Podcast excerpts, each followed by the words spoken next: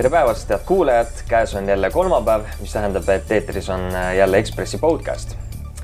tänases saates on meil äh, taas nagu ikka kaks külalist, kellest äh, üks on lastehaigla psühhiaatriaosakonna juhataja Anne Kleinberg ja, ja teine Jaak Madisson.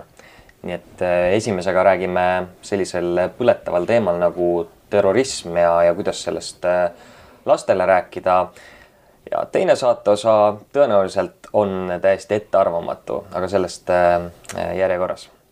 Anne, äh, see teema, millest äh, Tiina Jõgeda täna oma psühholoogia kolumnis kirjutab, kuidas rääkida lastele terrorismist, et see tundub olevat ka Eestis täna väga põletav probleem lapsevanemate seas mulle endale tundub vähemalt tuttavatega rääkides, et kui palju teie oma töös äh, selle probleemiga juba kokku puutute? tere, ehk et minu töös praegu ei näi olevat põletav probleem ehk et inimeste jaoks on need asjad, mis tema lähiümbruses toimuvad ehk lapse jaoks koolis, lasteaias ja kodus alati kordades tähtsamad. ehk et sellepärast veel selliseid paanilisi pöördumisi ei ole, et terrorismi oht on kõrge kuigi äh, inimesed vestlevad küll sellest, aga, aga mitte nii, et see oleks nüüd äh, arsti poole pöördudes väga-väga oluliseks teemaks tõusnud mm. -hmm aga kui näiteks siin loo alguses on äh, Tiina toonud ühe näite, kus laps küsib ema käest, et emme, miks ühed inimesed teisi tappa tahavad just selle Brüsseli juhtumi valguses, mida siis üldse lapsele öelda?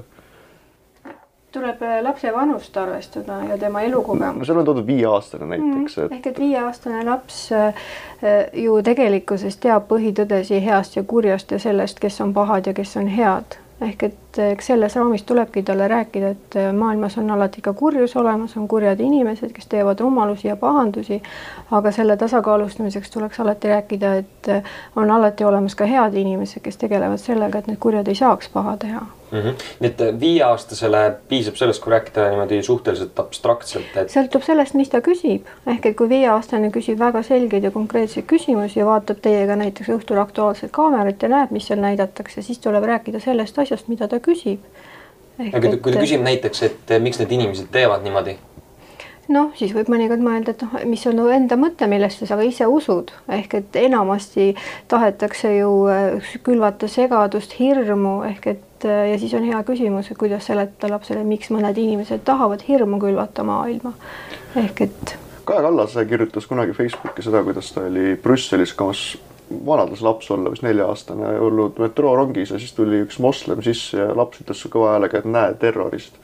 et äh, kui lihtsalt üldse lapsed võtavad omaks sellise suhtumise, et no siis ta muidugi seletas ära, et see tegelikult kõik inimesed ei ole terroristid, aga kui, kui raske on nagu lapsel selgeks teha, tegelikult noh, need on indiviidid, mitte niimoodi, et lapsele tulebki maast madalast, et kõik inimesed, kes on justkui moslemid, need on äh, midagi hirmutavat. Praegusel juhul eks see nõuab äh, enese jälgimist ehk et lapsed väga ju äh, vaatavad, mida suured inimesed teevad ja kui meie oma hoiakud äh, või ka sellised juhuslikult laste kõrvu jäänud laused inimeste kohta on kategoriseerivad, stigmatiseerivad, siis selle nad nopivad raudselt ülesse. ehk et Äh, peab väga mõtlema, mismoodi ma igapäevaselt oma lapsega räägin, ega Eestis on samamoodi teema, et äh, on lapsi, kes siiamaani arvavad, et ka naabri vene rahvusest onu on kindlasti kuri. ehk et. Äh, ma tahaksin tuua ühte näidet. paari aasta eest, kui algas Ukraina sõda, siis ma uurisin koolijuhtidelt, et kuidas Ukraina sõda mõjutab äh, mõjutab lapsi ning siis, siis üks koolijuht rääkis umbes kolmanda, neljanda klassi õpilasest, kes oli hakanud koolis tutma, kuna kodus oli ema-isa öelnud, nüüd venelased tulevad, tapavad emme-issi ära ja sina lähed kuhugi lastekodu Isipärisse. kui palju üldse lapsevanemad ise sellist äh, hirmu külvavad, et no enamus süüdistaks, süüdistaks meediat, et meedia nagu näitab palju, laps näeb seda. aga kas lapsevanemad ise ka enda oskamatuses põhjustavad äh, lastele kohati sellist äh, no asjatut ja paanilist isegi hirmu? No ikka sellepärast, me oleme ju ka inimesed ehk et eestlaste sees hirm, et meiega võib midagi juhtuda, on mõnedes suguvõsades reaalsete põhjuste pärast ju väga tugev. Ja, ja tulebki siis mõelda, et kuidas ma, mis elu ma oma lastele pakun, ehk et väga teadlikult tuleb need teemad tegelikult läbi mõelda, ehk et kodus kindlasti ei tasuks juhuslikult visata õhku laused, et nüüd vallandub kaos ja mitte mingil moel seda kontrollida ei ole, ehk lapse jaoks on hästi oluline, et ema-isa sees on selge rahu ja sellised irratsionaalsed loosungid loomulikult külvavad hirmu mul tekkis veel üks küsimus, et kui ma olin, mina olen kaheksakümnendast pärit näiteks, sündisin kaheksakümmend kaks aastat ja kui mäletan, ma olin viieaastane, kui ma tegin sellised, joonistasin paberit niimoodi pooleks, ühelt poolt olid sakslased, teiselt olid venelased ja kõik sõdisid kogu aeg ja selline sõjahirm oli toona, kes on veel vanemad, nendel on nagu mäletavad veel rohkem, et kardeti, et Ameerika viskab tuumapommi ja nii edasi, et kogu aeg oli siin hirm olemas.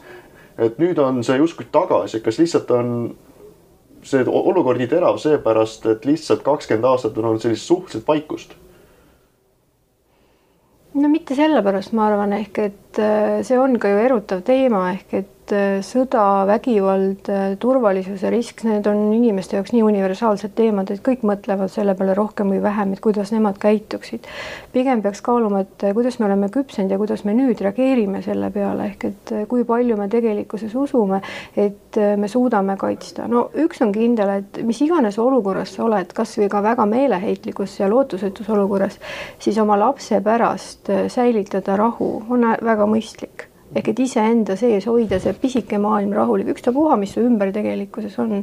ehk et ma olen seda ka välja öelnud äh, minu meelest massimeedias, et äh, laps võib olla oma ema-isa kõrval ka väga jõhkra pommirünnaku all äh, väga rahulik, kui ta ema-isa on rahulikud mm. -hmm. ehk et isegi kui kõik teavad, et asi lõpeb halvasti, aga vanemad ise on rahulikud, ehk et see on parim, mida me suudame, on ära tehtud ja me tegeleme oma lapsega, räägime, teeme, joonistame, mida iganes, kui veider võib see tunduda, aga igal juhul ei satu paanikasse, et siis see laps püsib rahulik. aga räägimegi hästi praktiliselt, et, et oletame, et äh, meil on peres üks äh, õrna hingega laps, eks ole, kes juba noh, telekast äh, pommitamist nähes noh, kohkub ära, eks ole, siis krabisev ajaleht on täis süngeid pilte ja, ja siis ta küsib äh, ema-isa käest, et äh, mida me nüüd teeme, eks ole mm mida need lapsevanemad peaksid tegema, et seda hirmu temas nagu vähendada nagu samm-sammult?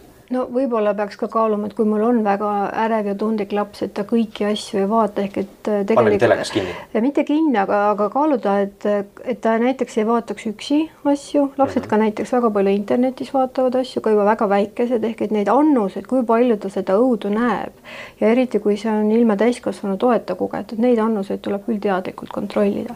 ja loomulikult on väga mõistlik, et inimesed vaatavad uudiseid ja, ja lapsele võib öelda, et me vaatamegi, sest me tahame teada siis me teame, kuidas käituda ehk et eh, oskame olla, aga et seda kõike saab väga rahulikult teha mitte, mitte nii, et me kõik ise lähme ka endast välja, tõuseme püsti ja loobime emotsionaalseid kommentaare õhtu, et nüüd on maailm hukas. maailm on hukas täpselt nii palju, kui meie peas ta hukas on mm. -hmm. Tiina Egeda toob oma äh, napis kolumnis äh, välja paar äh, noh, niisugust soovitust, kuidas lapsega käituda, et, et see peamine paistab olevat see, et, et ei maksa nagu valetada.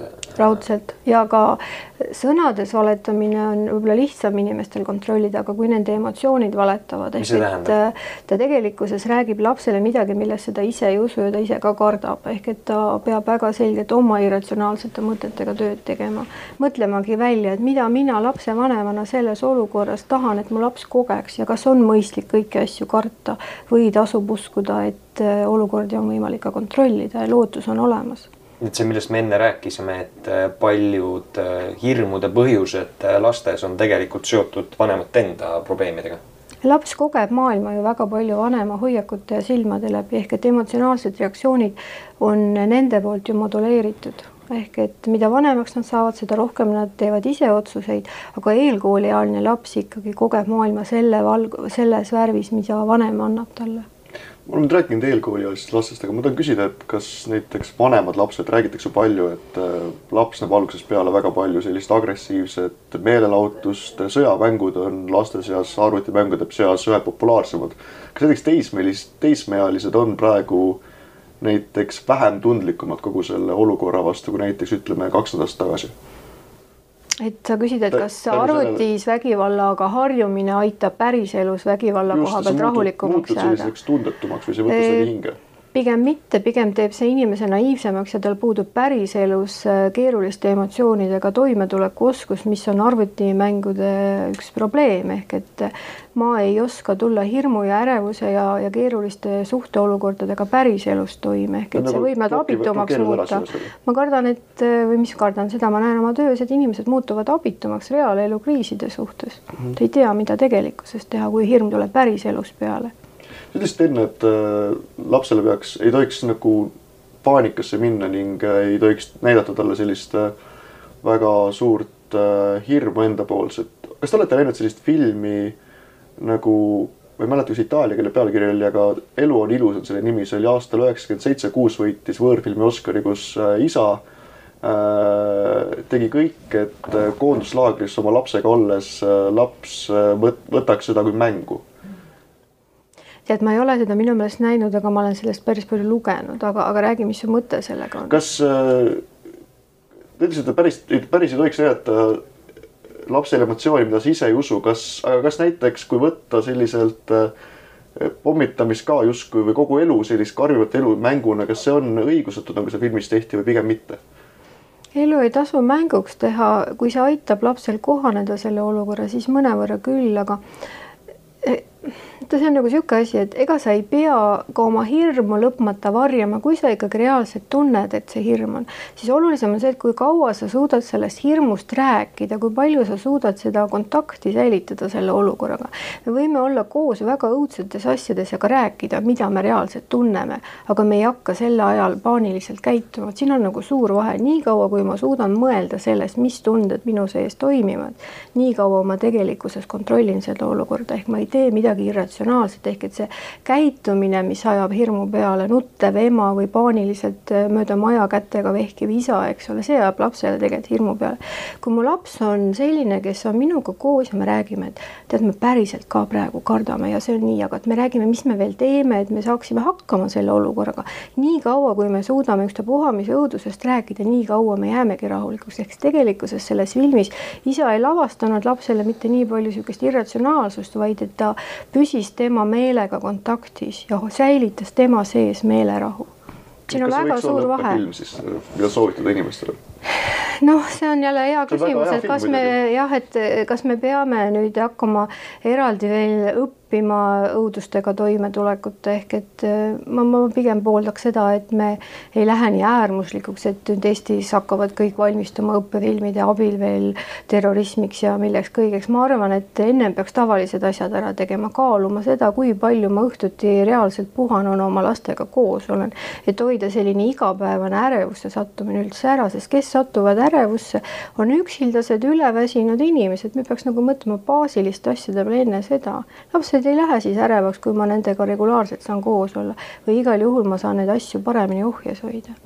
kui palju teid, Anne, spetsialistina, vabandust, paneb nagu see Pariisi ja, ja Brüsselis äh, toimuv äh, mõtlema selles suunas, et, et äkki noh, võib-olla mitte praegune põlvkond, aga ehk järgmine, et seda võiks nimetada näiteks terrorismipõlvkonnaks, et, et sellised äh, pommiplahvatused äh,, noh, hirm, vägivald, et see muutub äh, meedia vahendusel äh, laste jaoks nagu nii igapäevaseks, et äh, sellest räägitaksegi näiteks lõunasöögilauas, sellest räägitakse lasteaias, sellega kohanetakse veel kooliski, et, et, et äh, lõpuks saab see kuidagi meie laste igapäevaelu noh, niisuguseks pärisosaks.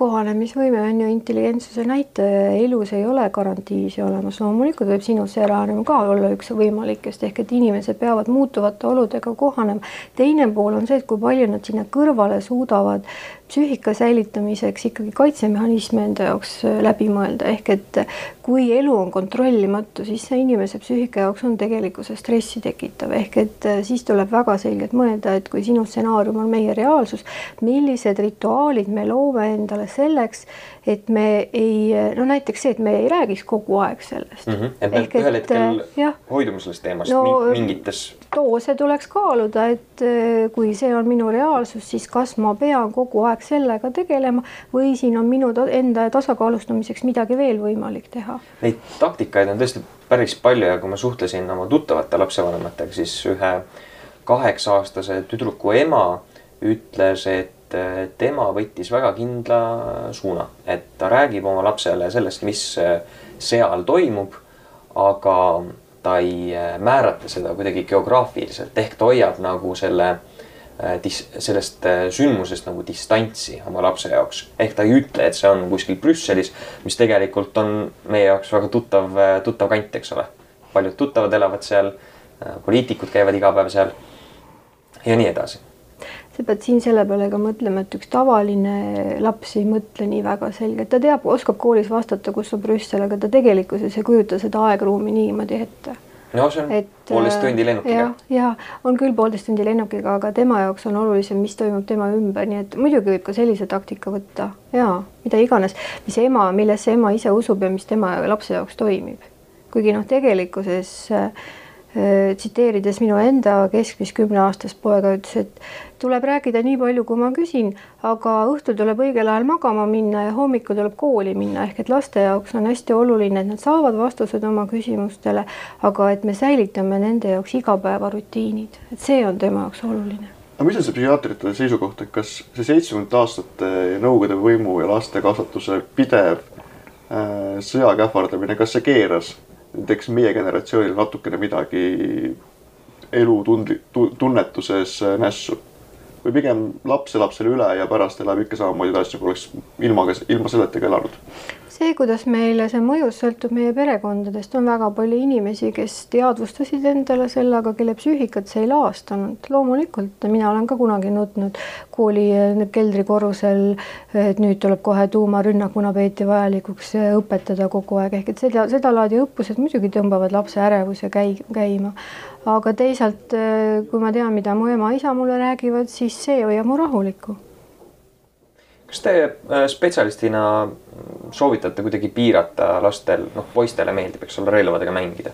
et äh, mida te lapsevanematele ütleksite, et kas tuleks piirata seda relvade ostmist, mängurelvade, püsside, veepüstolite ostmist, et ähm, kuidas see laste psüühikale mõjub? ehk et et asi ei ole ju mitte esemetes või asjades, vaid mida me teeme nendega ja veelgi olulisem, kuidas, mida me ette kujutame oma Mis tegevuse kohta, just ehk et milline see mäng on, ehk et väikestel poisse püstoleid ära võtta ei ole eriti arukas tegevus, meeste, mehi tõmbab püstolite poole, kui tal ei ole seda püssi, siis ta teeb selle puupulgast või tulistab sind nimeti sõrmega. ehk et kui tema sees on viha ja raev või on ka lihtsalt soov mängida selliseid poiste jaoks täiesti tavalisi mänge, siis me peaksime keskenduma sellele, et need mängud oleksid äh, selliste reeglitega, et head võidavad, pahad saavad karistada, me ei tee kellelegi liiga, me ei alanda ja veelgi olulisem, et ongi reeglid ja me järgime ehk et algkoolide laste jaoks reeglite paikapanemine on väga oluline arengu osa, väikesed poisid oma sõjamänge mängides tegelikkuses õpivad seda, kuidas päriselus hakkama saada. meie kõrvalt sekkume siis, kui nad lähevad vägivaldseks või ka liiga karmiks kas see pole mitte sama asi, mida me nägime mõned päevad pärast neid plahvatusi Brüsselis, Molenbeeki linnaosas, kus tõusis ka fenomen, et väiksed poisid võtsid püssid kätte ja, ja Äh, karjusid, et nad on terroristid. kas see on no, eeldusel, et neid, neil ei kästud seda teha, et nad tegid seda nagu vabatahtlikult et millest see, millest see kõneleb, miks need poisid äh, terroristi mängivad? lapsed mängivad enda jaoks erutavaid või dramaatilisi kogemusi läbi nii kaua, kuni neile see olukord on emotsionaalselt välja kannatatav, ehk et neid ka erutas see lugu, ehk et sedalaadi mängude kõrvale oleks vaja täiskasvanute tuge, ehk et see ei läheks metsikuks, vägivaldseks ja nii edasi. aga see, et laps mängib mängu enda sees oleva hirmu, agressiooni äraseedimiseks, see on pigem psühholoogiliselt eh, normaalne ja vajalik. et ta saab selle pinge välja? ta saab selle teema enda jaoks lahti mõelda, ehk et väga palju vägivalda mängitaksegi enda sees psüühiliselt eh, selgeks just eh, läbi erinevate mängude, mõnikord see mäng on korduv, traumaatilised mängud võivad olla väga korduvad, aga see on lastele täiesti tavaline käitumine tegelikkuses niisiis, Anne, teema kokkuvõtteks võib vist äh, öelda, et äh, kõige tähtsam on ikkagi lapsevanematele südamele panna, et nad ise ei võimendaks neid probleeme suuremad, suuremateks, kui nad tegelikult on, et äh, tuleks asju võtta kaine, kaine peaga või kuidas? kindlasti kaine peaga, aga samas sisuliselt nii emotsionaalselt kui see, mida sa räägid, sa pead olema aus nii tunnete kui jutu koha pealt. lapsed saavad niikuinii aru, lapsed võetad. saavad väga hästi aru sellest olgu, aitäh sulle. Ja nüüd siis lähme teise saate poole juurde, kus on meil külas Jaak Madisson, kes tuleb vähemalt plaanide kohaselt rääkima Donald Trumpist. eks näeme järgmise veerand tunni jooksul, millest see saatelõik tegelikult rääkima hakkab. like Donald Trump. Say slang like them chumps. Huh, she gon' chew you up. Yeah, twerk like she from rap. Hey, don't get me wild up. Up, soldiers at a 10. Hey, look what you done done. Up, now you done fucked up. Up, up like Donald Trump. Up, say slang järgmise poolena meie saates teeme juttu Donald Trumpist, kellest kirjutas täna Andrei Vostov äh, Ekspressi loo, kus äh, ta üritab vist, äh, ma ei saa öelda esimest korda tõenäoliselt, aga leida nii-öelda Trumpi sellist positiivset poolt välja, mis, mis Trumpist tulla võiks. sellest on meile toodud stuudiosse rääkima Jaak Madisson. ma küsin kohe esimese asjana ära, et mis sa Donald Trumpist arvad? ma arvan, et tegemist on väga karismaatilise isiksusega, kes on suutnud üllatuslikult niivõrd kaua vastu pidada ma arvan, et isegi möödunud aasta lõpus ei uskunud keegi, et veel äh, aprilli alguseks me räägime Trumpist kui tõsiseltvõetavast vabariiklaste kandidaadist. kuid see, mida ta teinud on, on äh, loomulikult väga austusväärt, et ta niimoodi niisuguse lennuga jätkab, et äh, ja loomulikult tema selline reljeefne väljendusviis ühest küljest küll võtab natukene õhku ahmima, aga samas teisest küljest, kui sa vaatad, mismoodi ta suudab polariseerida oma toetajaskonda ja, ja seda stabiilselt hoida veel, siis. Äh, on millest õppida? kas just ma arvan, et äh, igast inimest on midagi õppida, äh, ka Trumpist. kas see väljendusviis, sa ütlesid, et, et see on sinu jaoks isiklikult kuidagi noh, selline ootamatu ja, ja võib-olla liiga groteskne, et, et kas, kas Eesti kontekstis ei ole EKRE nagu samasugune, et kes julgeb öelda, mida võib-olla nii mõnigi noh, avalikult äh, ei ütleks? See polariseerib samal ajal. seal on äh, kaks väikest erinevust, et äh, kui me räägime konservatiividest, siis konservatiivid on öelnud küll otse välja asju, mida teised võib-olla kardavad öelda poliitkorrektsuse pärast, eks ole, et poliitkorrektsus on ju teatavasti see, kui sa kardad mingit tõde välja öelda, kartes kedagi haavata või solvata. et Trumpi puhul jah, ta ütleb ka otse asju välja, nagu ta arvab, pigem tema sõnakasutus on võib-olla, ei ole väga võrreldav meie konservatiividega, et tema see sõnakasutus, mis puudutab, olgu see naisi või mehi, mehhiklasi ja, ja kolmandaid immigrante on selline ikka kordades-kordades vängem kui siin äh, teatud Euroopa parteidel, et äh, kuid see on jällegi omaette fenomen, et. ma pean isegi tooma sinu viimase, ei olnud viimane tweet küll, aga mis tekitas väga palju paha, pahameelt oli see Brüsseliga võrdlemine, mis pani ka, olgem ausad, väga paljud inimesed õhku ahmima, et see on mm -hmm. natukene üle võlli justkui, kas. ma arvan, et eks see ongi jällegi inimesed, teatud osa inimesi ei suuda nagu leppida sellega, et nende ideoloogia või nende selline pooldatud maailmavaade on kokku kukkumas, ehk siis olgu see vasakpoolne liberalism. oot, oot, oot, oot, aga jutt oli ikkagi nagu sellest pommiplahvatustest, et. No, palju üldse nagu on poliitikal pistmist sellega, kui noh, inimesed saavad nagu suur. loomulikult on, loomulikult on, ega. kas me saame, kas me saame nagu öelda, et, et noh, samal päeval tund pärast plahvatusi, et näete, see on nüüd teie, teie, teie ja tegemata töö.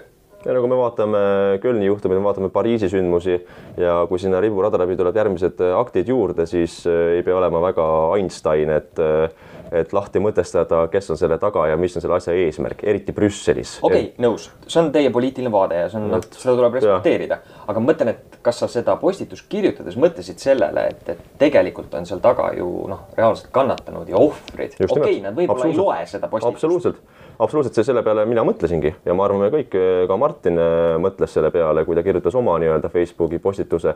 et äh, meie mõte ongi see, et me ei taha, et neid hukkunuid tuleks veelgi juurde, me ei taha, et uusi kannatanuid tuleb sellesama retoorika pärast, mida ei taheta muuta. sest et see kõik on seotud ka poliitiliste otsustega, et see, et üle viiekümne protsendi Brüsselist elab immigrandid, moslemid, kus on ülimalt lihtne varjuda nii sajal tuhandel või isegi kahel tuhandel nii-öelda potentsiaalsel terroristil terroristil on jällegi poliitiliste valikute tulemus. et ja kui me suuname sellele tähelepanu, et mis on see algpõhjus, miks on seal süütud kannatanud, süütud hukkunud ja nende lähedased, kes peavad selle pärast kannatama nüüd, siis äh, meie jaoks ongi see, et tuleb võtta uus poliitiline suund ja ei piisa sellest, kui pannakse Facebooki profiili pildiks endale nüüd täna Belgia lipp, homme Prantsuse lipp, ülehomme veel Saksa lipp. et see ei ole piisav. kui minna Trumpi juurde tagasi, siis äh, kui palju no Trump ütleb ka väga selliseid polariseerivaid avaldusi välja, kui palju seal on sellist poliittehnoloogiat tegelikult, et pilti saada, selleks sa pead lööma trummi väga kõvasti mm.. kui palju tal on, kui palju sellist avaldust, näiteks sinu tweet ja kui tema avaldused, kas äh, seal on selline asi, et nagu ise inimesena mõtleksid, et tegelikult kui oleksime tavaliselt kuskil kodulinnas, kui ma poleks poliitik, ma ei läheks ütlema niimoodi, aga kuna ma olen poliitik ja minul, mul on vaja seda trummi lüüa, siis ma pean tegema seda hästi kõvasti. noh, seal on muidugi võtta Ameerika kontekst ikka see, kuidas see valimiste süsteem on üles ehitatud seal, no seal on ikka meeletud rahad taga, et ikkagi Jeb Bushil oli seal me rääkisime, kas oli sada miljonit oli. See oli totaalne krahh lõpuks. ja temal oli krahh, eks ole.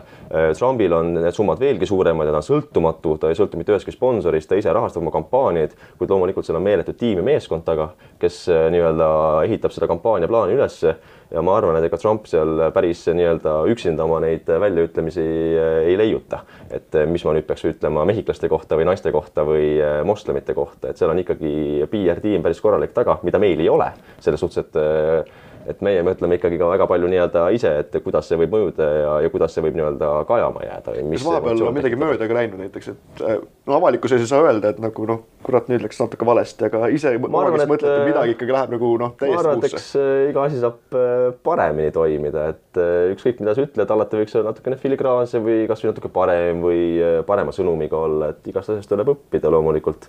aga samas ma ei ole kunagi mitte midagi kahetsenud.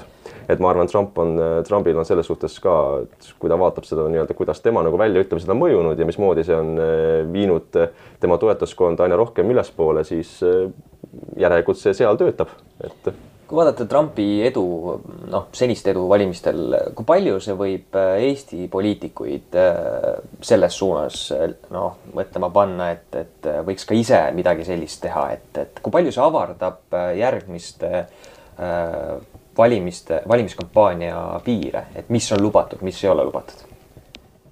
eks äh, pigem on see isegi, ma arvan, et ei pea Trump olema selleks, et mõjutada nii-öelda mingisugust äh, suunda või saada aru ühiskonna protsessidest, et äh, kuidas see meelsus kujuneb.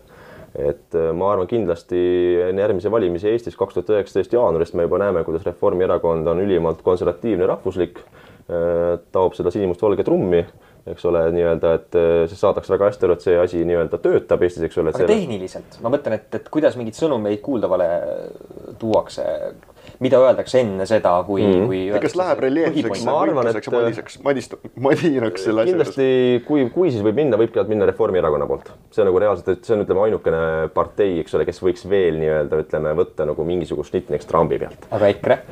Ma arvan, et meie ajame oma liini edasi ja, ja meie ajame oma põhimõttelist eh, joont ja see on piisav selleks. aga poliitesinemiste poolest, ma olen mõnikord vaadanud, kuidas sa esined, et äh, hästi ülevoolavalt, selliselt äh, jõuliselt.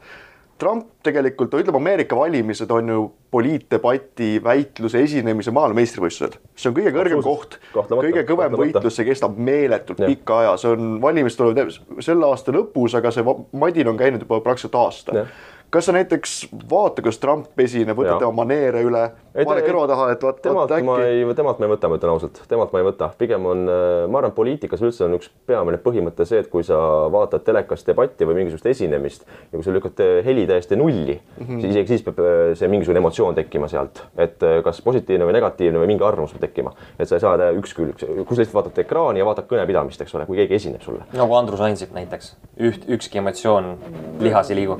jah, Andrus Ansip oli sellest hoolimata oli ikkagi väga pikalt peaminister, et et temal see nii-öelda polnud väga vajalik, aga üldiselt ikkagi eriti poliitkampaaniates ja enne valimisi, et ikkagi sa pead mingisuguse nii-öelda emotsiooni tekitama inimestes, eks ole, et et sa ei saa jääda, kõige hullem on see, kui sa jääd ükskõikseks, eks ole, et keegi sinust ütleme näe, et ei hooligi, et ah, et las ta räägib seal, eks ole, keda see huvitab. aga kelle videosid sa kodus vaatad, et noh, ise õppida, sa ise oled päris paljudel tõrviku rongkäikudel ja sellistel EKRE üritustel äh, ka esinenud. iseenda kõne, iseenda kõnesid. vaatad uuesti üle või? ei kõike vaatan muidugi loomulikult. kui palju sealt õppida on? alati on õppida midagi, et äh, olgu see sõnakasutus, olgu see lause ülesehitus, olgu see rõhuasetused, et see on iga asi, kus inimene areneb, ma arvan, kuni poliitilisel maastikul olemise lõpuni, et seal alati, alati saab paremaks minna. kui esinemisest rääkida, kas, kas sulle tundus ka, näiteks minule tundus, et Taavi Rõivas äh, selles Daily Show's esines palju paremini kui kunagi Eestis on esinenud. nõus, täiesti nõus. millest tulla võib? Võõrkeel ometi, meeletu auditoorium ja korraga sa oled nagu täielik rahvamees, väga meeldiv inimene, Eestis samal ajal on justkui samal ajal presidendiga, et Eestis on hästi selline tõrges, kuri isegi ja välismaal kõik vaatavad, milline inimene. ma arvan, et seal on äh, puhtalt äh, väga pragmaatiline põhjus, et kui sa sisepoliitikas esined, siis kõik ju nii-öelda kõik eestlased või siin elavad äh, inimesed teavad, et mis on meie sisulised probleemid, eks ole, olgu selleks äh, kakssada kaheksakümmend tuhat inimest, kes elab suhtelises vaesuses, olgu selleks väljaränne, olgu selleks demograafiakriis ja nii edasi ja nii edasi, eks ole, olgu selleks äh, meie poliitilised otsused valitsuse poolt, siis ega siin selline, ütleme, kui sa läheksid lõbu peale, et oh, meil on siin e-riik ja meil on e-valimised ja minu partei võitis, et e-valimised on toredad asjad et süüa ei ole, aga peaasi, et kolme minutiga saad tehtud äh, maksudeklaratsiooni, on see sellega ei tööta. et, et sellega siin ei lähe peale, sest inimestel on ikkagi väga hästi teada nii-öelda viimase kahe aasta otsused, mis on Taavi Rõivase valitsuse poolt tehtud ja no selle reega enam Eestis ei sõidaks, et sa lähed nii-öelda lõbusalt äh, toreda renomeega läheb peale, eks ole, kuskile siin ütleme talk show's. Seal USA-s äh, ikkagi sa esindad nii-öelda seda välisilmet, mis on Eestis tekkinud, et Eesti ju selline, kas natuke vahel paaniline paaniline eesmärk on alati olla see, et me oleme edukas väike nutiriik, eks ole, digitaalselt ülikiiresti arenev, väga hea haridustasemega, PISA testidel on Euroopas teisel kohal ja nii edasi, et seal on tunduvalt lihtsam, lihtsam, eks ole, nii-öelda Taavi Rõivasel eh, kuskil suure auditooriumis ameeriklastele nii-öelda talk show's, eks ole, esineda, eks ole, nii-öelda vabalt ilma pingeta. kas Rõiva esinemisest oli midagi õppida? Sina professionaalse poliitikuna juba, et kas ma seda, ma pigem ütleks, et Taavi Rõivas on isegi meie pealt õppinud, et ta kannab vesti ka ülikonda. et ma ütleksin pigem vastupidi on õppida. kas sul on värvilised sokid täna või on ei, mul on eh, sinised ja hästi peenikese valgede ribuga, selge? aga tumesinised. kui palju äh, Riigikogu saalis näeb sellist äh, mängulisust, sellist noh, sisendusvõimelist kõnepidamist? Kindlasti on, kindlasti on, et ikkagi Riigikogu istungid ju äh, kantakse ka TV-s üle, eks ole. et see on siis, kas, kas siis äh, show toimub siis, kui kaamerad töötavad ja kui kaamerad ei tööta, siis pole praktiliselt mitte kedagi kohal. ütleme nii, et äh, Riigikogu istung alati, kui ta algab, siis kaamera on juba automaatselt töös ja ta lõpeb, kaamera töö lõpeb alles siis, kui istung on lõpetatud, siis Riigikogu istungi juhataja poolt. et äh, aga eks... aga no paremat kõnet peetakse siis, kui ikkagi AK on kohal, on nii? Kusjuures seda me alati ei tea ju, millise telekaamera on see, kas see, see võib olla mingi Pervõi Baltiiski kanal ka, eks ole seal, et äh, me ei tea ju, kus auditooriumile see nii-öelda telekaamera sealt äh, suunab seda nii-öelda ülekannet praegu, kes seal rõdu peal on, et seda me alati ju ei tea, eks ole, nii-öelda kõnepidamise ajal. aga kes see, kes on Riigikogu kõige parem kõnepidaja? no ma arvan, et eks me üritame alati teenäitajad olla, aga, aga kes on parim äh, väljaspool EKRE-t, ütleme niimoodi, Martin Helmet ei tasu siin öelda. ütleme, ütleme väljaspool EKRE-t, teeme, teeme kellelegi komplimendi. et ähm, noh, kes oma e- emotsiooni pealt, eks ole, kes on väga kõvasti nii-öelda tagasisidet teinud, on eks Mihkel Raud. mis siis, et see sõnum oli küll väga-väga nii-öelda aga esineb hästi järelikult ju Ah.. esineb hästi. ei, pigem selline, ütleme, sa jääd kuulama vähemalt mm, -hmm. et juba see, kui sa vaatad, mismoodi see kõnestiil on, eks ole, selline noh, et, et Mihkel Raualik, eks ole, peale lendamine, siis sa jääd ikkagi kuulama, see nagu tekitab tähelepanu vähemalt, et sa jääd mingigi sõnumi sulle kohale, eks ole, mis ta öelda tahab sulle. aga keda sa debattides kardad? mitte kedagi. Aga kes on Eesti On. kõige Donald Trumpilikum poliitik?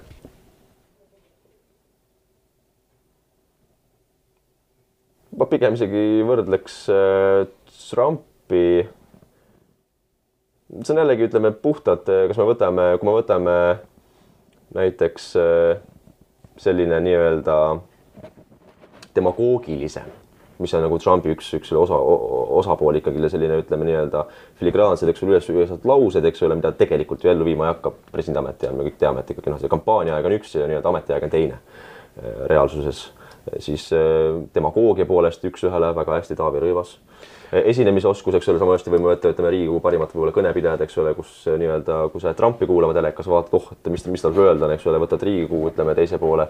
olgu selleks kas ütleme Martin näiteks loomulikult, et, et see, ma arvan, ma arvan, seal on nagu, et ma, ma ei saa nagu öelda, et üks-ühele, kes on nagu kõige nagu Eesti, Eesti oma Donald Trump mm., et aga kas EKRE jaoks on mingisugused piirid, et, et noh, kujutan ette, et kas äh, mõni EKRE poliitik oleks valmis näiteks ihualasti võtma mingi kampaaniasõnumi edasiandmiseks nagu ei, kindlasti mitte. meil on meelega põhimõtteliselt et me, me võime rääkida asjadest otse ilma poliitkorrektsuseta ja nii-öelda isegi kui see tõde on vahel valus ja kellelegi ebameeldib kuulata, aga mitte kunagi noh, meil on põhimõte see, et me ei lähe ikkagi oma avaldustes või väljaütlemistes või kuskil äh, poliitkampaaniates nii-öelda üle piiri nagu labaseks. kellegi naist solvata. ei, see, see on vastuvõetamatu minu jaoks, et selles suhtes, et äh, see, selles ei ole kellegi abikaasa süüdi, et on selle inimese abikaasa, eks ole. et see, et noh, et tema valimiskampaaniat tõmbamine sellisel moel ikkagi noh, see, ma arvan, et see ei ole päris ei, see, võime öelda, et äh, seal on ka hea külg see, et järelikult Eesti poliitiline kultuur on niivõrd hästi arenenud mingilgi määral, eks ole, et selline asi nagu Eestis nagu ei toimi. sa ütlesid, et Trump äh, ütleb lause, mida, millest on aru saada, et see on kampaania, valitsedes seda, seda äh, täide ei vii. kas sa võid käsi südamel öelda, et EKRE-l selliseid lauseid ei ole, et äh, kõik, mida te kampaanial lubate, selle tahate te ka täide viia või te teate näiteks, et noh, et see on teostatav. et see, me saame küll rääkida sellest, aga reaalselt seda ei ole võimalik äh, teoks teha. kui ma võtan, ma muidugi kõikide väljaütlemisi ei saa nüüd äh, tagada, et kes mida meie kandidaat siin midagi kuskil välja lubanud, eks ole, nii-öelda oma mõttest. Aga kui ma võtan meie valimisprogrammi ette, mis oli viimaste Riigikogu valimisteks, siis jah, kui meil oleks viiskümmend üks kohta Riigikogus ja me paneksime üksinda valitsuse kokku ilma kompromissideta, ilma nii-öelda läbirääkimiste teiste partneritega, siis kõik need lubadused oleks teostatavad. isegi kui muidugi mitte aasta-kahega, eks ole, tõenäoliselt ütleme siin äh, nelja-viie aastaga, eks ole, et aga see eeldaks muidugi ka totaalset maksusüsteemi ümbermängimist, nii et äh, väga suuri reforme Äh, nüüd on aasta aega olnud, aasta aega olnud USA presidendikampaania, samal ajal kui valitakse Ameerikas presidenti, valitakse üks teine president palju väiksemas riigis, mille nimi on Eesti mm.. kampaania alles hakkab nüüd vaikselt äh, käima, kas Eestis võiks olla ka selline debatt ja selline presidendikampaania võitlus nagu on Ameerikas? Eestis on noh, meil on põhimõtteline vahe, et me ei ole me- me, ei ole presidentaalne vabariik, et et USA-s on ikkagi valib inimene. aga ikkagi pool aastat on aega ja mi- täielik vaikus tegelikult. no selleks tuleks üldse siis, see eeldaks seda, et presidendi äh, valimise seadust muudetakse. Et äh, praegusel on, hetkel on niimoodi, et äh, Riigikogus võid sa veel eelmisel päeval lükata üles uue kandidaadi, et kuulge, me tulime uue kandidaadi välja, tal on kahekümne ühe Riigikogu liikme toetus taga, me esitame tema hoopis, see võib üks päev enne nii-öelda Riigikogus hääletamist olla. kusjuures öeldakse, et, et see võib olla väga kasulik just äh, EKRE-le, et, et viimasel päeval tuua Mart Helme letti ja arvestades vastusurvet ja nii-öelda võitlust meie vastu, peame ka meie mõtlema, et kuidas ellu jääda. kas praegu käib EKRE-l läbirääkimisi mõne era erakonnaga, et keda näiteks presidendina toetada või äh, olete ikkagi sellised äh, omaette tulete välja siis Mart Helmega, kui endale pähe tuleb? ei, me oleme kindlasti, me oleme alati ja ka praegu ütleme, hoiame silmad lahti, mida teeb Vabaerakond, mida teeb IRL. Reformierakonnaga ei suhtle üldse? no Reformierakonnaga meil väga vähe ühist nii-öelda, et äh, Reformierakond äh, ilmselgelt toetab ühte kandidaati kahest, olgu see Siim Kallas või Marina Kaljurand. kumba te isiklikult eelistaksite, kui noh, oleks kaks varianti, sihuke teoreetiline kui oleks tõesti, no kui mul ei ole mitte ühtegi muud varianti ja ma pean nüüd tõesti ütlema, valima kahest äh, kehvast vähem kehvema, siis äh, ma pigem Siim Kallas isegi. miks? sest Marina, sest ma, ma, üks on see, et äh, president peab olema kindlasti välispoliitikas jõuline. ta peab olema karismaga, ta peab olema ikkagi nii-öelda, keda kuulatakse tal peab olema mingisugune austus ja respekt äh, välisriikides. kui ma vaatan Marina Kaljurandi äh, välisministriks oleku ajal tema suhtlust ja tema nii-öelda sellist äh, viisi, kuidas ta peab läbirääkimisi, olgu selleks Brüsselis, olgu selleks Venemaa pool äh, piirilepingu seoses, siis äh, kui ma aasta tagasi arvasin üpris hästi Marina Kaljurannast, siis hetkel tänasel päeval ma arvan, et tegemist ei oleks väga hea Eesti presidendiga. kui mainisid, et kahest kehvast kehv, parema välja valida, siis kes oleks, kui EKRE välja jätta taaskord hea presidendikandidaat? Ma eile tegin ka selle kohta kusjuures äh, Facebookis äh, sotsiaalpostituse meelega, et äh, nii-öelda anda nagu oma, oma arvamus, keda mina näeksin nii-öelda erakondade ülesena. ma arvan, et noh, kõige parem president, mis üldse olla saaks, oleks ikkagi see, kes oleks nii-öelda, keda ei annaks siduda kindlasti ühe erakonnaga või ühe maailmavaatega, ühe ideoloogiga, kes oleks nii-öelda, ta peaks olema rahvast ühendav, mitte lõhestav ja nii-öelda viima Eestiga läbi suuremate kriiside raskuste. mõni akadeemik või? Jaak Jõerüüt tõin mina välja. Et äh, arvestades tema ikkagi viimaste kuude nii-öelda avaldusi ja, ja sõnavõtte, siis on see üpriski hämmastav. ja, ja te- tegu on väga erudeeritud, väga intelligentse diplomaadiga, kes on, kellel on väga hea nii-öelda töökogemus ja, ja taust selleks, selleks väljakutseks ja ma arvan, et kui me peaks valima erakonda ülese kellegi, siis äh, minu hinnangul Jaak Jõerüüt oleks, oleks, oleks väga hea variant. kas Mart Helme iseenesest oleks valmis presidendiks hakkama? Eks sellele teeb vastust kõige paremini Mart ise Te loomulikult. kindlasti olete rääkinud sellest.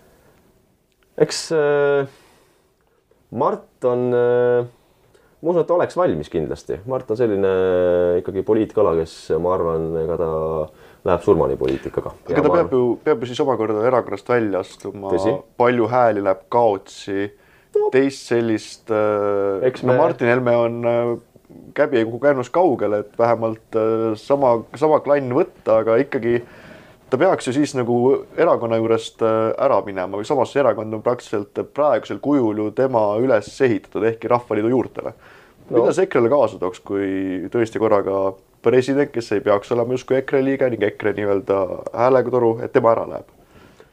eks ma arvan, et äh, mingid hääled läheks sellest kindlasti kaotsi, aga, aga ma vaatan, et äh, Konservatiivne Rahvaerakond on ikkagi nii-öelda üles töötatud kui rahvaerakond, kus on üle seitsme tuhande kaheksasaja liikme.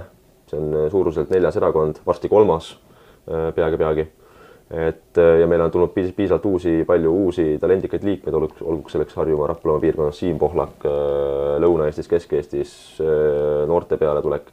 et ma, ma usun kindlasti, et ega, ega mitte kunagi ei saa ühtegi erakonda üles ehitada ainult nii-öelda püsivale ühele inimesele, eks ole. Keskerakond on ju justkui.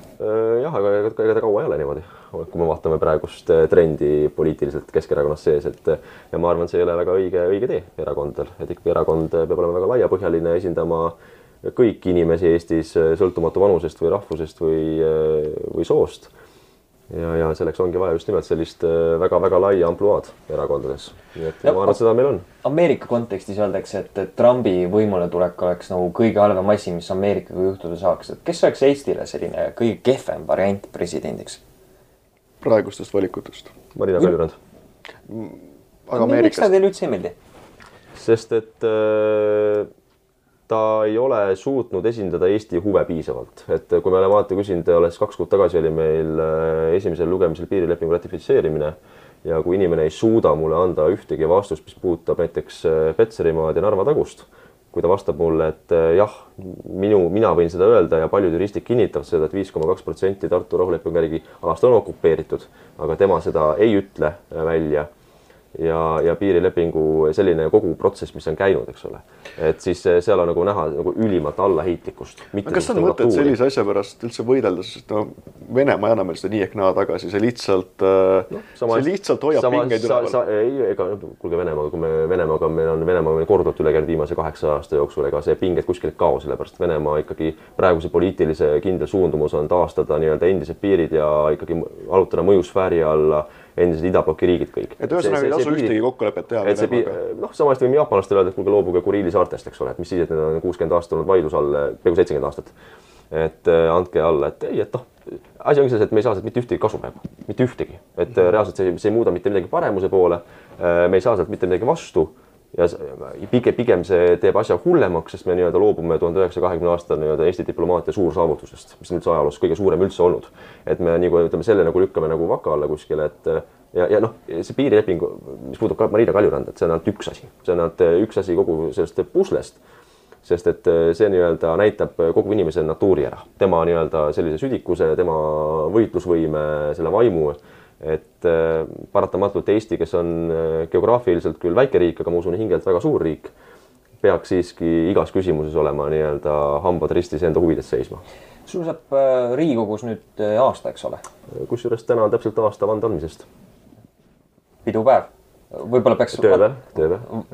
peaks vaatama võib-olla natuke tagasi, et, et kas see aasta on sinu jaoks olnud selline, nagu sa ootasid. et äh, väga noore poliitikuna võiks öelda, et sa oled rohkem pildis kui, kui nii mõnigi teine, eks ole. aga oled sa iseenda ootusi täitnud?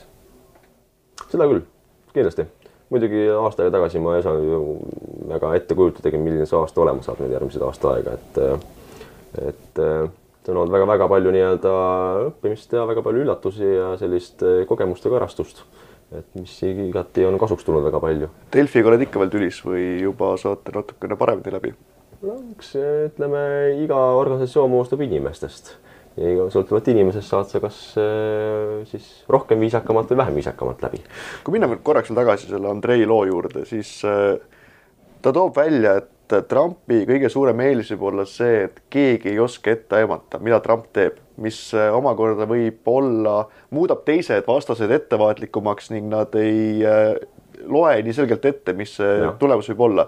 ütleme, kui EKRE peaks jõudma valitsusse ja sina näiteks olema minister, kes äh, peab tegelema näiteks äh, mingite julgeolekupoliitiliste küsimustega, mis sõltuvad meil ju tegelikult praegusel hetkel väga palju USA-st.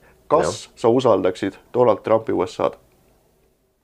ma arvan, et äh, Andrei toob ka väga hästi oma artiklis välja, et Eestil on olnud siiamaani poliitiliselt ainult nii-öelda üks siht ja üks tulevik ja nii-öelda üks eesmärk. Oma artikli alguses seda ütleb, et äh, me ei ole Eesti, kas siis valitsus või Eesti nii-öelda juhtkond ei ole suutnud näha nagu ütleme, mitut varianti korraga, et eks ole, et, et kui üks plaan nagu läheb põhja, mis me siis teiseks võtame.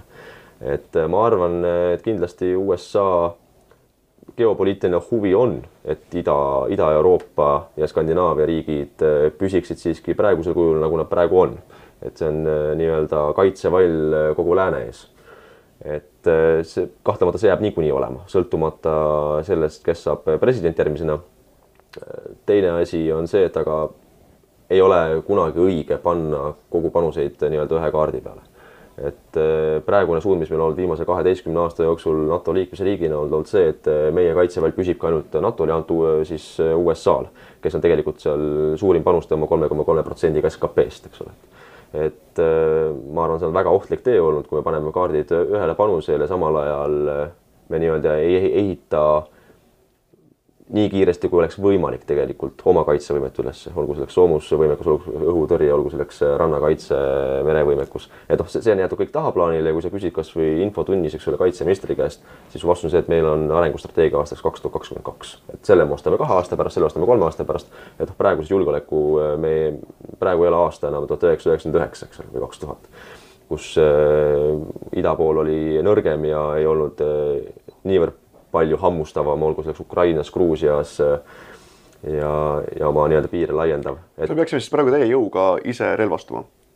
ma arvan, et seda peab iga, iga riik tänasel päeval, et äh, ma ütleks, et äh, see, mis on Trump välja toonud nii-öelda, et miks peavad nemad maksma NATO-sse, eks ole, kõige rohkem ülekaalukalt ja kaitsma teiste riikide nii-öelda iseseisvust. samal ajal kui Lääne-Euroopa elab, ütleme oma selles nii-öelda vikerkaarelippude varjus äh, lilla pilve peal, eks ole, ja, ja heaoluühiskonnas ja kaitsekulutused on viinud, ütleme alla igasuguse arvestuse, et praegu Saksamaa soomusvõimekus on madalam kui on Poola oma et siis tekibki Ameerika tavalisel maksumaksjal küsimus, et miks meie peame, eks ole, tagama Saksamaa suveräänsuse või Prantsusmaa turvalisuse. et noh, oleks mina ameeriklane, ma küsiks samamoodi, eks ole, et, et ja kui küsitakse, et kus on Eesti Vabariik, noh ei tea, eks ole, et aga vähemalt saab kolme minutiga teha tulumaksu, tuludeklaratsiooni. ja isegi vast vist kahe minutiga vist et, äh, Rõivas lubas. Jaak, kui väga EKRE praegu tegelikult äh, valitsusse ihkab? iga poliitilise organisatsiooni eesmärk peab olema oma võimu teostamine, oma poliitilise programmi elluviimine. et selles suhtes, kui meil oleks võimalus viia oma põhimõtteid ellu valitsuses, siis kindlasti me oleks selleks valmis, kahtlemata. kas sa oleksid ise ka valmis valitsusse minema? noor mees, eks ole, me oleme sinuga sama vanad. Jah Ähm., tõsi. ma olen, ütleme nii, et äh, poolteist aastat tagasi keegi ei uskunud, et me üldse sisse saame Riigikokku ja veel äh, kaks kuud enne valimisi ei uskunud keegi, et äh, ka mina osutun valituks. aga samas, kui ma vaatan nagu minevikku, siis äh, päevad võivad muutuda väga-väga-väga kiiresti, et õhtu võib olla erinev hommikust, mis, äh, mis portfell see võiks olla, mis sobiks Jaak Madissonile? Ma arvan, see on pikema diskussiooni küsimus, kus ei saa anda üheseid vastuseid, et kindlasti äh, iga Riigikogu liige peab olema piisavalt laia profiiliga, et võtta vastutus endale erinevates valdkondades ja kus ei saa panna kõiki kaarte nii-öelda ühele ministeeriumile. aga, aga ma arvan, eks seda näitab tulevik, et kus täpsemalt, et no näiteks ei hakka veksleid välja käima niimoodi. eelneva jutu seest tuli, tuli välja, et, et Kaljurand ei ole väga hea välisminister, et oleksid sa parem välisminister kui tema näiteks? Eks sellele, kes on parem ja kes on halvem, saab hinnangu anda ainult valija valimispäeval. küll aga ma ise usun, et äh, väga palju tööd saaks palju paremini teha, kui teeb seda tänasel päeval praegune välisminister. kas sa võidaksid Kaljuranda praegu valimistel, kui oleksid samas, samas piirkonnas ja läheksid samas ringkonnas esimeste numbritena vastamisi? eks iga poliitiku eesmärk peab olema valimiste võit ja kõige suurema häältesaagi korjamine, nii et aga kas sa võidaksid, ütleme jah või ei? sisetunde järgi, kas Kaljuranna vastu sa saaksid? mm, vaadates äh, ikkagi meie ideed nii-öelda positiivset tagasisidet ühiskonnast ja rahva seast meie programmile, meie, meie nii-öelda mõtetele ja meie, meie arvamustele, mida me arvame Eesti elust ja Eesti tulevikust, siis ma usun, et äh, meil tervikuna, sealhulgas ka minul, on kindlasti väga head äh, võimalused koguda väga tugev äh, mandaat valimistel. Jaak, mis su lemmikmuusika on? ma olen viimastel aegadel kuulanud väga palju Šostakovitšit näiteks. ohoo, ma küsin sellepärast, et äh, peaksime hakkama vist enda saadet kokku tõmbama ning saade lõpeb tavaliselt nädalaplaadiga. ja teine asi on ka muidugi võite panna ka alati on Johann Straussi äh, to, Sinine Donau. kas täna õhtul kuskil Sinise Äratuse üritusel mõnes pubis äh, pannakse ka Strauss peale ja lüüakse õlleklaasi kokku, sa ikkagi üks aasta Riigus? teate, kusjuures ma ei mõelnud äh, eile küll selle peale, et äh, täna saab sellest aasta, aga ma juhuslikult olen täna minemas hoopis äh, vaatamas õhtul Estonias äh, ühte operetti. Assa. jah, et, et aga noh, eks ma võtan seda siis kui aasta nii-öelda aasta kokkuvõttena, et äh, vaata nagu üks hetk tagasi, selleks on siis äh, Mart Sanderiga Eestis lavastatud operett Savoy pall Mm. täna kell seitse. nii et soovitan minna vaatama, pidi väga hea olema. ja pärast seda kuskil pubis? eks õhtu on veel noor ja, ja mine tea, kus ma olla võin, kuigi ma, mul on hea kodu lähedal on kohe on Vana-Villem, väga hea, aitäh sulle, Jaak. jah, ja nüüd lõpetame saate ära nagu ikka nädalaplaadiga. The Nineteen Seventy Fives on indie-bänd, kelle, keda arvustas Siim Nestor. plaadinimi ütlema ei hakka, laul siit kohe kõlab, Tannar Leitmann ning Kristjan Piht tänavad teid. täname ka külalisi ja nädala pärast uuesti. tšau-tšau